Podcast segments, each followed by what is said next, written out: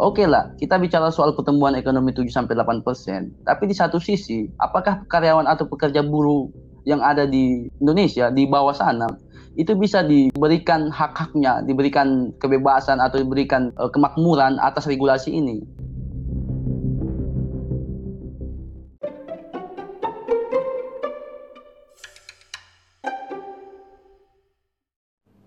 Berceritalah dengan aku segala isi pemikiranmu, dan kami akan setia mendengarkan. Tak usah malu, apalagi risau. Rahasiamu akan aman bersama kami. Bersama aku, Ica Nadia. Podcast ini spesial karena aku, kamu, bercerita.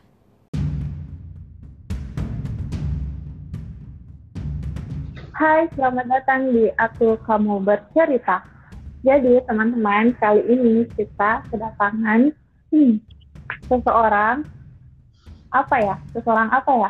Pokoknya kalian bakalan tahu sendiri siapa sih dia berdasarkan apa yang bakalan dia cerita, terus berdasarkan pengalamannya dan juga uh, diskusi tentang, ayo, siapa sih kamu? Perkenalan dulu dong, namanya. Halo, nama saya Hairul. Uh, buat kalian pendengar aku kamu bercerita, Hairul ini adalah salah satu aktivis organisasi di kampus Politeknik Asma Makassar juga apanya lagi satu Hairul? Satu uh, sekarang ini punya apa organisasi? Tiga mahasiswa nasional untuk demokrasi ya. Hmm. Jabatannya apa? Ya jadi ketua sementara ketua sementara apa di Komisariat Eksekutif Komisariat Liga Mahasiswa Nasional untuk Demokrasi. Oh, mantap mantap. Jadi teman-teman, Harul ini adalah teman kampus saya dan juga sahabat baik untuk berdiskusi. Jadi sekarang kita mau bahas apa nih, Harul? Iya, sesuai dengan permintaan teman-teman kita bahas tentang yang lagi tren hari ini bicara soal rancangan undang omnibus law cipta kerja. Rancangan? Rancangan undang-undang omnibus law cipta kerja. Oke deh. Jadi sebelum kita lanjut nih, uh, panggilnya Bapak Heru nggak sih atau panggil Heru aja nggak apa-apa ya? Uh, yang biasanya sih panggil Bung aja supaya lebih. Oke, okay. oke okay, Bung Herul. Jadi uh, mungkin ada saya sendiri kan tidak terlalu mengikuti apa sih itu omnibus law dan mungkin beberapa teman-teman pendengar juga masih bingung sebenarnya omnibus law itu apa sih? Iya. Oke. Okay. Saya ucapkan dulu terima kasih atas kesempatannya. Jadi memang kalau kita mau ikuti perkembangan nasional khususnya di bidang uh, hukum atau kontrak karya itu hari ini pemerintah telah mendorong beberapa regulasi hmm. dengan konsep omnibus law cipta kerja. Jadi hmm. konsep omnibus law adalah salah satu konsep membuat undang-undang sapu jagat ya istilahnya kalau kita bicara soal uh, sistem hukum. Jadi hmm. dalam omnibus law itu bukan hanya bisa merevisi satu undang-undang tapi bisa sampai ber, berpuluh-puluhan undang-undang.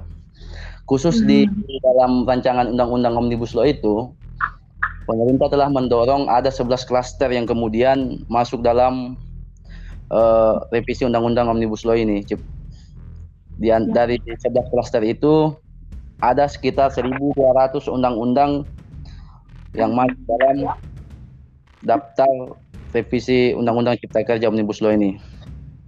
Hmm. Jadi memang ini adalah satu konsep uh, membuat undang-undang yang tidak pernah didengar sama sekali karena ini baru pertama kita dengar hasil dari pikiran-pikiran yang kemudian dimunculkan oleh banyak kalangan-kalangan pengamat hukum itu. Jadi kalau kita bicara kenapa sih pemerintah mendorong omnibus law itu Karena apa? Jadi mengikuti perkembangan internasional bahwa hmm. ada masalah di wilayah hukum kita, khususnya di wilayah investasi. Karena selama ini masalah terbesar untuk susahnya masuk investasi adalah sektor ribetnya hukum-hukum. Terlalu banyaknya hukum yang tumpang tindih yang ada di Indonesia sehingga para investor pelaku investor yang ada di luar itu malas untuk berinvestasi di Indonesia. Itu hmm. yang pertama. Dan yang kedua soal tenaga kerja yang begitu tidak produktif dan kemudian serikat buruh pekerja yang ada di Indonesia itu membuat juga para pelaku investor malas berinvestasi di Indonesia karena dampak buruk yang didapatkannya adalah susahnya untuk tetap mem, memperlancar produktivitas pekerjaannya. Jadi eh, bahasa kasarnya seolah-olah serikat buruh itu sebagai penghalang bagi mereka untuk tetap bisa eksis dalam eh, upaya mereka untuk menanamkan sahamnya di Indonesia. Ah, mm-hmm. Jadi para pelaku investasi itu, investor, dia lebih memilih untuk menanamkan sahamnya di luar dari Indonesia khususnya untuk bagian Asia Tenggara dia lebih memilihkan untuk menanam saham di Vietnam atau Thailand gitu. Jadi itu hmm.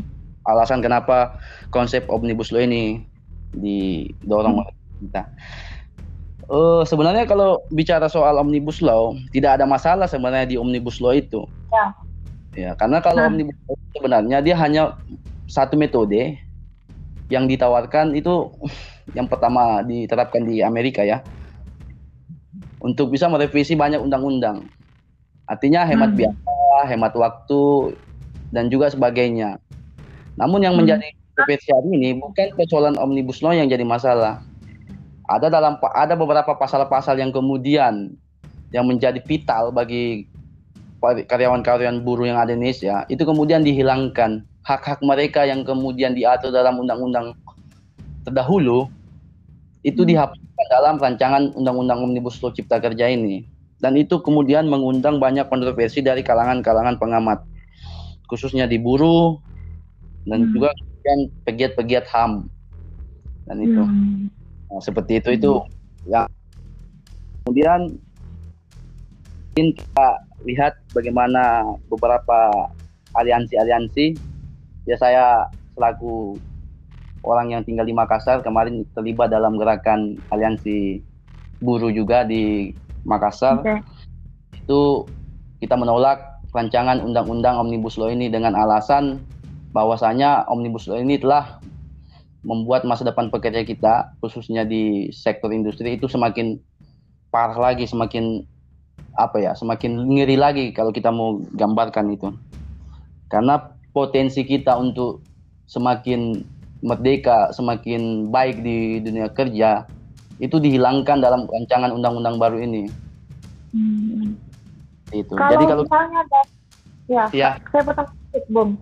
Kalau misalnya uh, dari dari suara buruh sendiri, uh, mungkin ada beberapa uh, Bung Herul yang mendengar langsung aspirasi dari para buruh. Kira-kira salah satu uh, aksi protesannya itu kalimatnya seperti apa, Bung?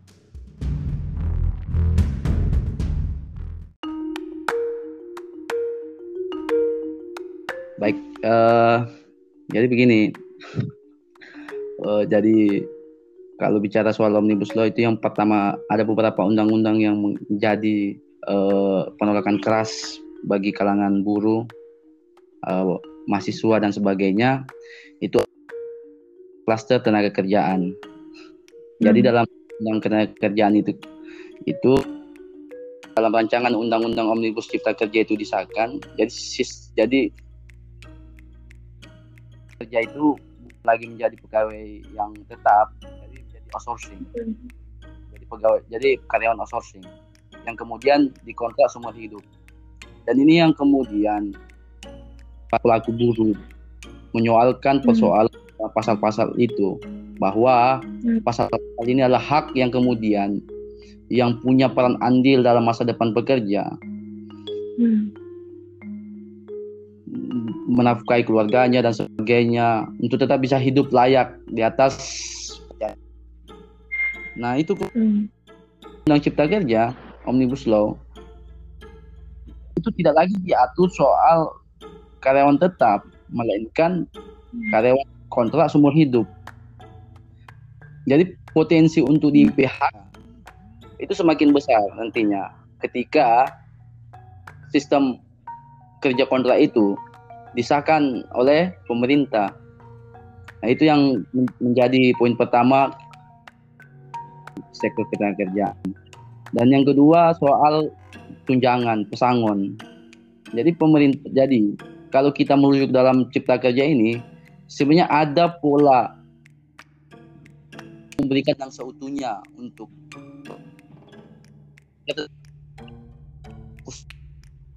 sistem dalam perusahaannya itu yang seperti kita ketahui adalah otonomi perusahaan ya otonomi daerah kalau soal daerah otonomi kampus ini artinya perusahaan bebas karyawannya selagi karyawan itu bersalah atau membuat kesalahan dan sebagainya kecelakaan kerja itu perusahaan berhak hmm. untuk karyawan dan tidak ada lagi intervensi dari pemerintah apa pun terkait nah itu yang kemudian hmm. hak yang dihapuskan oleh nah itu yang itu poin kedua oke saya kembalikan hmm. Kalau misalnya selain dari sektor buruh, kira-kira dari sektor mana saja yang menolak keras uh, omnibus law ini? I, jadi dari kalau kalangan... uh, kalau dari kalangan mahasiswa itu dia lebih hmm. nih, dia lebih bicara soal dia lebih kritikannya terkait dengan sistem kerja nanti. Jadi ketika rekrutmen itu kita bukan lagi sifatnya, artinya sifatnya fleksibel. Kita kita di, di kontrak seumur hidup sama, di kontrak seumur hidup yang kemudian ini berpotensi untuk apa ya menambah soal uh, deretan-deretan korban-korban PHK. Hmm. Yang kedua lemahnya uh, tidak diaturnya soal ketenagakerjaan tenaga kerja asing yang tadinya dalam undang-undang dulu itu diatur soal ketenagakerjaan asing. Nah sekarang dalam cipta kerja itu dihilangkan soal ketenagakerjaan itu. Jadi jadi hmm. tenaga hmm. itu berhak untuk masuk kerja di Indonesia tanpa melalui administrasi administrasi yang yang seperti yang diatur dalam undang-undang dulu itu. Hmm. Hmm. Nah, uh, kalau misalnya kita uh, berbicara dari segi perempuan, apakah uh, dalam omnibus law ini apakah merugikan dari sisi uh, perempuan itu sendiri? Karena saya sempat mendengar ada beberapa kalangan dari uh, kaum feminis yang menolak keras juga ikut menolak keras omnibus law. Itu apakah benar, Bung? Iya. Jadi memang dalam cipta kerja ini, omnibus cipta kerja ini, salah satu sektor yang paling di dampak atau yang paling memprihatinkan itu adalah sektor perempuan. Kendati kenapa?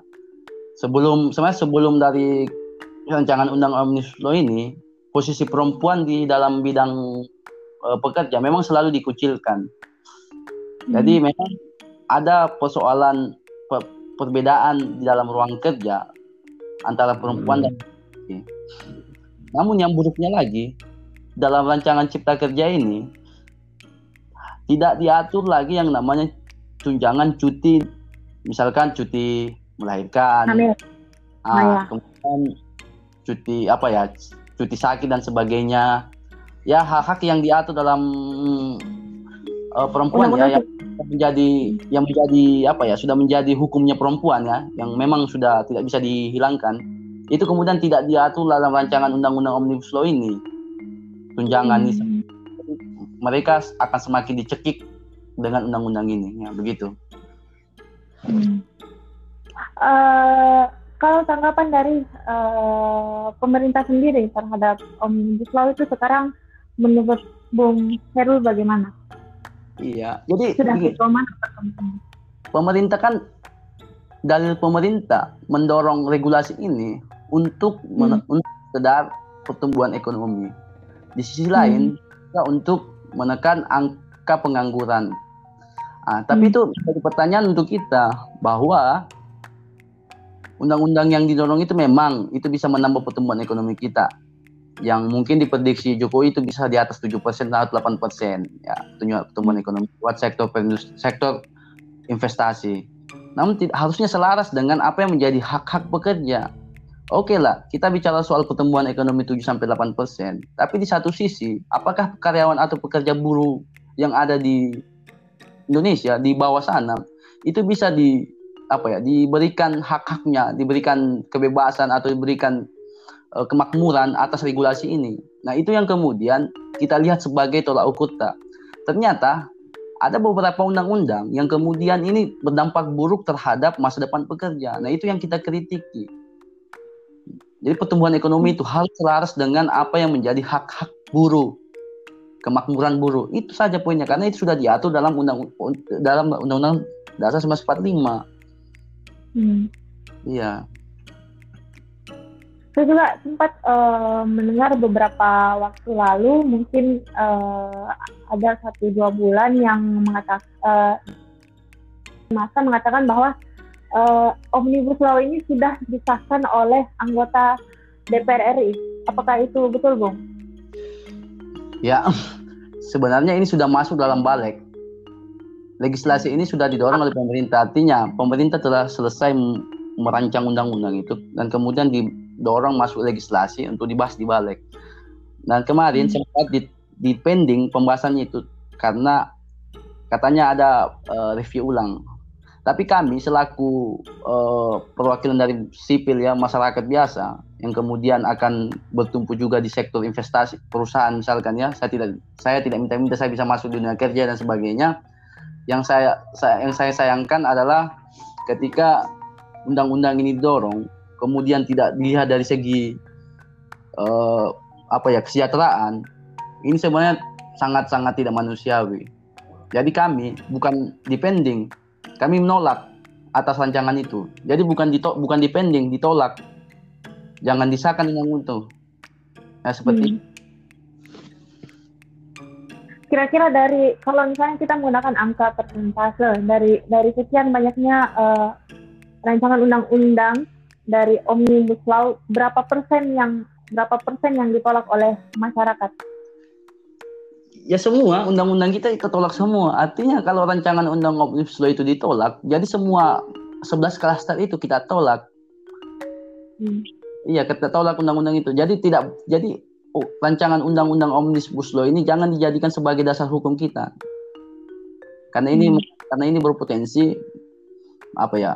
mengambil ulang kemerdekaan para pekerja. Hak-hak mereka dibungkam atas undang-undang ini dan itu yang kita kritik sampai hari ini. Hmm. Kalau misalnya uh, pemerintah menegaskan bahwa mereka tidak bisa uh, semerta-merta menggagalkan atau menghapuskan uh, rancangan undang-undang omnibus law, tetapi mereka berusaha untuk uh, merevisi atau merancang ulang sesuai dengan kebutuhan dan hak-hak uh, untuk hak-hak uh, untuk para buruh misalnya. Apakah masyarakat masih tetap ingin menghapuskan rancangan Omnibus Law ini atau setuju untuk direvisi? Iya, da, data terakhir atau kesepakatan terakhir dari teman-teman para pekerja buruh dan sebagainya, kita menolak keras undang-undang itu. Artinya, ketika undang-undang itu terus didorong kemudian dengan alasan yang sama, uh, pertumbuhan ekonomi menekan angka ini, kami tolak itu. Dan yang kedua tadi yang soal revisi itu, kami tidak ada masalah dengan omnibus law. Yang kami persoalkan adalah pasal-pasal itu. Ketika pasal-pasal hmm. itu memang tidak ada masalah, omnibus law tidak ada masalah dengan itu. Tapi kendati hari ini kita lihat persoalannya adalah pemerintah membuat omnibus law memang capeknya ada di situ, membuat membuka ekspansi terhadap pelaku investor agar bisa menanamkan sahamnya gitu. Jadi dia hmm. sengaja dia sengaja menghilangkan pasal-pasal yang punya apa ya kedekatan antara pekerja kemudian menutup ruang pekerja agar karena kan ini sudah masalah masalah luar ini sudah yang menjadi masalah investor kenapa tidak masuk ke ranah Indonesia? Karena persoalan serikat buruh yang selalu mengganggu aktivitas kerja dan sebagainya. Dan itu yang dihilangkan. Dan itu kan dalam dalam kita punya apa ya aturan Pancasila itu apa ya konstitusional. Dia berhak hak hak kita diatur di Pancasila hak hak kita diatur dalam undang-undang dan itu tidak bisa di tarik ulang. Jadi saya bilang ketika undang-undang itu rancangan undang-undang itu uh, membuat kesejahteraan, kenapa tidak kita terima? Seperti itu. Hmm. Meskipun misalnya uh, investor asing tetap masuk, tetapi tetap memperdulikan kesejahteraan rakyat, apakah masih diterima? Iya, artinya artinya kalau kita mau bicara soal uh, apa ya angka kemiskinan, justru put, angka kemiskinan angka kemiskinan Indonesia itu setiap tahunnya bertambah. Kemudian angka pengangguran itu selalu selalu meningkat. Jadi artinya kalau kita memakai logika, tenaga kerja lokal kita mengalami peningkatan. Terus kemudian didorong undang-undang yang bicara tenaga kerja asing yang dipermudah. Ini logikanya gimana? Jangan sampai dengan dalil hukum ini potensi untuk pening, potensi untuk bertambahnya angka angka pengangguran di Indonesia ini akan meningkat karena begitu mudahnya tenaga kerja asing masuk ke Indonesia lewat rancangan undang-undang itu. Yang seperti hmm.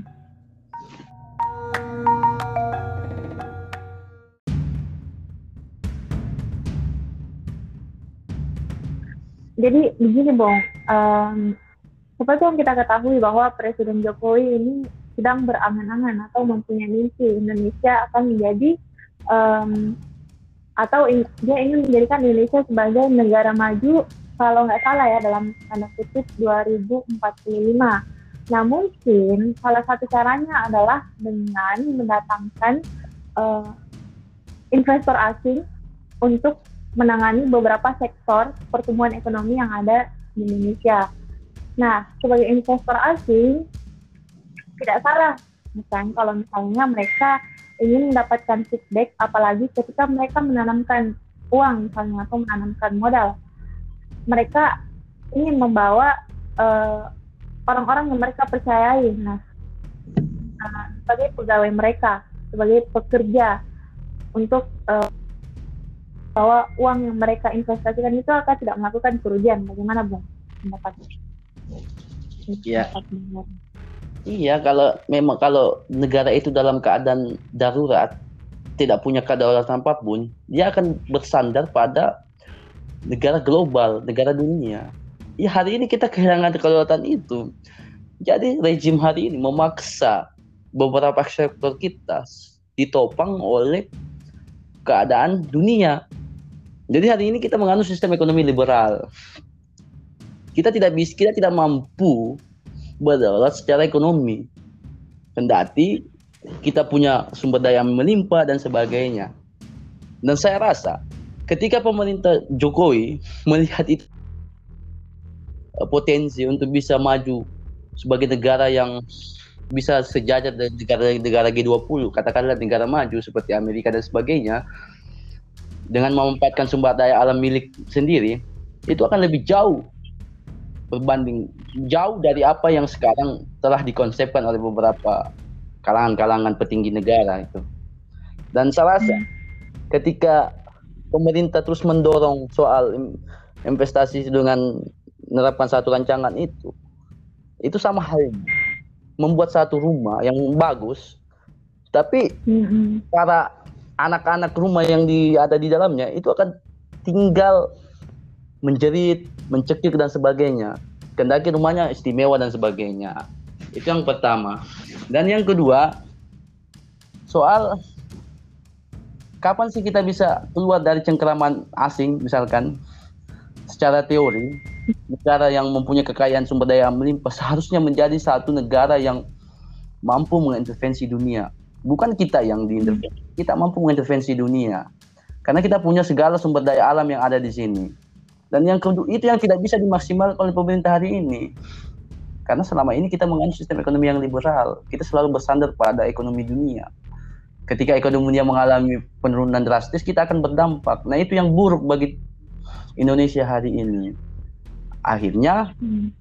yang dikambing hitamkan yang di jadi apa ya dijadikan uh, takaran alat tukar yaitu para buruh sumber daya alam kita dijadikan alat transaksi mereka agar supaya kelihatan rejim ini kelihatan maksimal.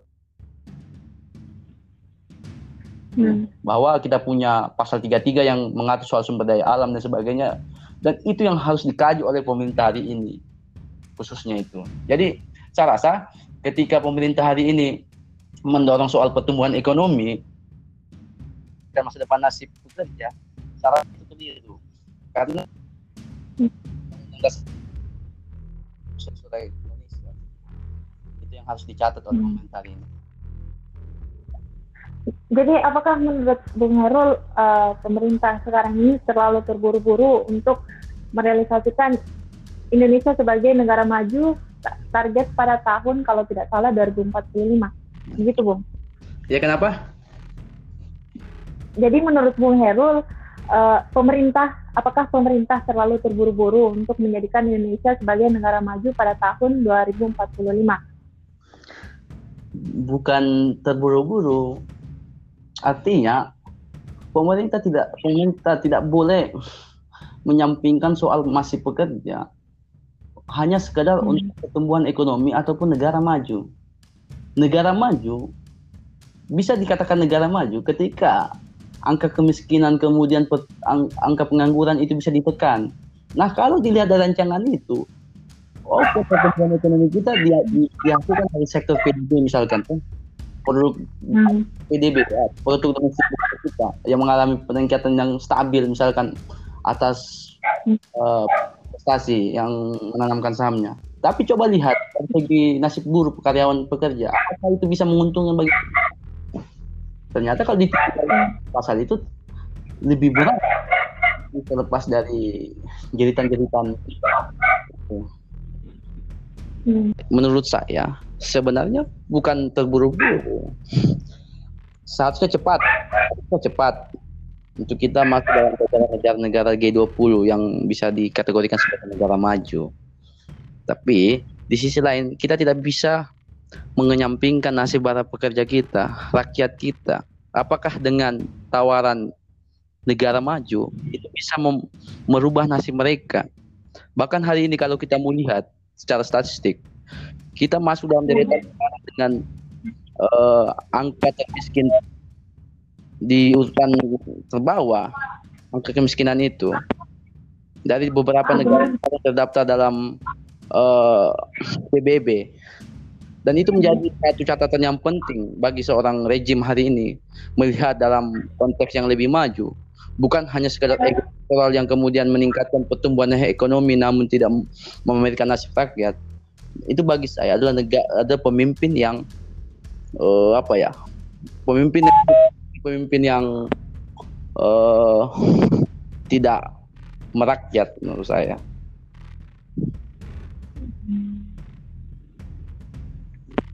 Jadi uh, solusi terbaik pada saat ini yang mesti dilakukan antara pihak pemerintah dan pihak masyarakat menurut Bang Heros bagaimana? Solusi pertama. Jadi solusi pertama dari omnibus law itu kita kita menolak keras tentang omnibus law itu. Jadi kita tidak mau rancangan undang-undang omnibus law itu disahkan bahwa kemudian undang-undang itu telah menguburkan nasib pekerja dengan dibatasi ruang gerak mereka atas hak-hak yang diatur dalam Undang-Undang Dasar 45 yang menjadi pedoman kita dalam berbangsa dan bernegara.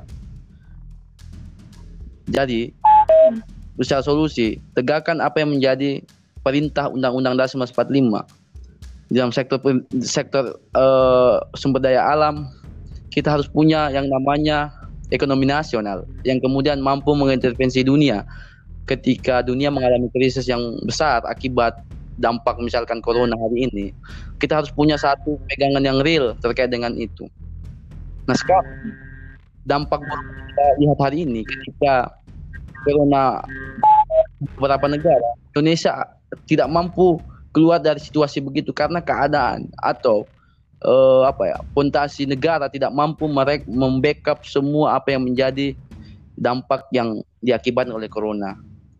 Jadi solusinya kita harus buat satu perusahaan nasional, ekonomi perusahaan nasional yang mampu mengintervensi dunia. Dan yang kedua, memberikan hak untuk pekerja kita untuk tetap bisa merubah nasibnya sendiri lewat regulasi yang kemudian diatur dalam undang-undang itu. Karena kita punya Pancasila, kemudian tujuan kita bernegara adalah untuk sampai ke masyarakat sosial adil dan makmur, itu saja. Jadi eh, langkahnya apa? Kita punya sumber daya alam yang melimpah. Sejak dulu sebelum kemerdekaan, bangsa-bangsa Eropa masuk ke Indonesia bukan tidak lain hanya ingin menguasai Indonesia karena sumber daya alam yang rempah yang, yang dia miliki. Dan yang ke, yang itu yang kemudian harus dimanfaatkan oleh negara mengelola itu jangan sel, jangan selalu menjadi negara penyedia bahan baku. Hmm. Itu. Jadi kita harus maksimalkan sumber daya alam kita lewat pendekatan itu, memberikan ruang misalkan di sektor pertanian, memberikan kedaulatan pangan untuk para pekerja petani misalkan di nelayan, untuk sektor reklamasi itu dibatasi untuk kepentingan kepentingan pemodal itu juga harus dibatasi.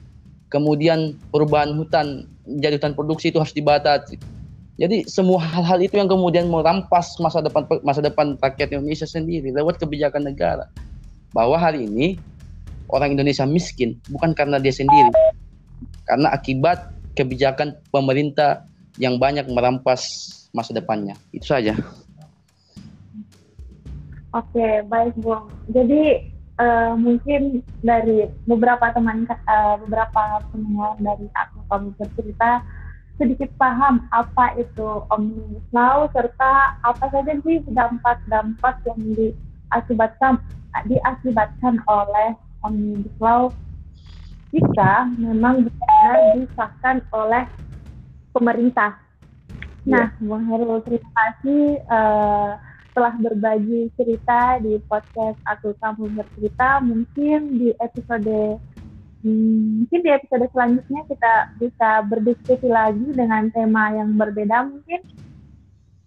Ya bisa sekali. Kita sharing-sharing hmm, ya. Terima kasih. Oke. Okay. Uh, eh, kalau begitu terima kasih uh, Bung Herul dan sampai jumpa di aku kamu bercerita. Salam pejuang emansipasi.